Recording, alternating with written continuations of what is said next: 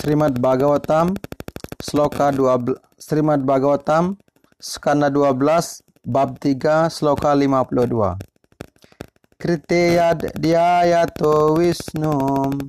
Tretayam yajato makai Dua pare paricaryayam Kalau tad dari kirtanat. Hasil apa pun yang dicapai pada Satya Yuga melalui meditasi kepada Wisnu pada Trita Yuga dengan cara melaksanakan korban-korban suci dan pada dua para yuga dengan cara melayani kaki Padma Tuhan